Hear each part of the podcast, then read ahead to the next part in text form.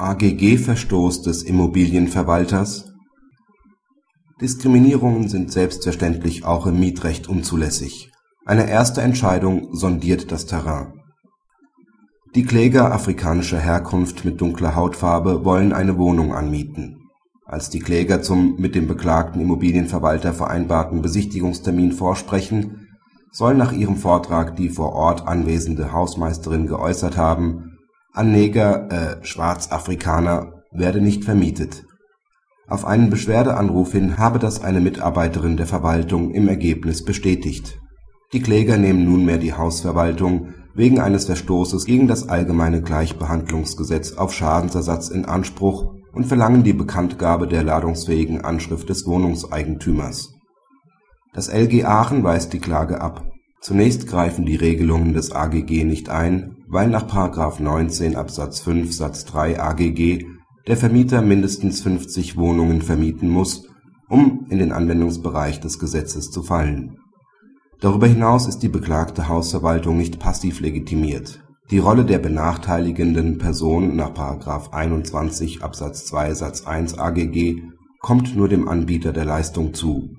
Anbieter ist danach der Eigentümer oder Vermieter und nicht der Verwalter der Immobilie der Auskunftsanspruch wird mangels Sonderverbindung abgelehnt. Ausblick Die Entscheidung ist, mag auch der Hintergrund dieses Ergebnis als bedauerlich erscheinen lassen, wegen der Schadensersatzansprüche zutreffend. Die Kläger haben die falsche Person in Anspruch genommen.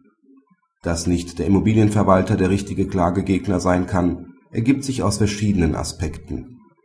Zum einen muss nach § 19 Absatz 5 Satz 3 AGG davon ausgegangen werden, dass infolge des Schwellenwerts von mindestens 50 Wohnungen ein Vermieter unterhalb dieser Schwelle bei einem diskriminierenden Verhalten nicht gegen das AGG verstößt. Dieses Recht würde wertlos, wenn auf den in der Regel für eine Vielzahl von Personen tätigen Verwalter, der in der Summe weit mehr Wohnungen verwaltet, abgestellt würde. Trotz der dadurch auftretenden Lücken wird man auf den prospektiven Vertragspartner abstellen müssen da dieser letztlich auch die Entscheidung darüber trifft, ob der Vertrag geschlossen wird. Das Verhalten der von ihm beauftragten Personen muss er sich nach § 278 BGB zurechnen lassen. Nur wenn der Verwalter den Vertrag im eigenen Namen hätte abschließen wollen, wäre er als Anspruchsgegner in Betracht gekommen. Zum anderen ist nicht ersichtlich, wie Personen haften sollen, die mit dem Anspruchsteller niemals in einen geschäftlichen Kontakt treten wollen diese können nicht nach den Regelungen des AGG, sondern nur nach allgemeinen Maßstäben verantwortlich gemacht werden. Unabhängig davon muss darauf hingewiesen werden, dass die in § 19 Absatz 5 Satz 3 AGG festgelegte Grenze von 50 Wohnungen in den Augen des EU-Rechts voraussichtlich keinen Bestand haben wird. Denn die Richtlinie 2004/113/EG weist keine derartige Schwelle auf da im vorliegenden Verfahren die Passivlegitimation fehlte, brauchte das Gericht diese Frage nicht zu prüfen. Ansonsten wäre eine EuGH-Vorlage möglich gewesen.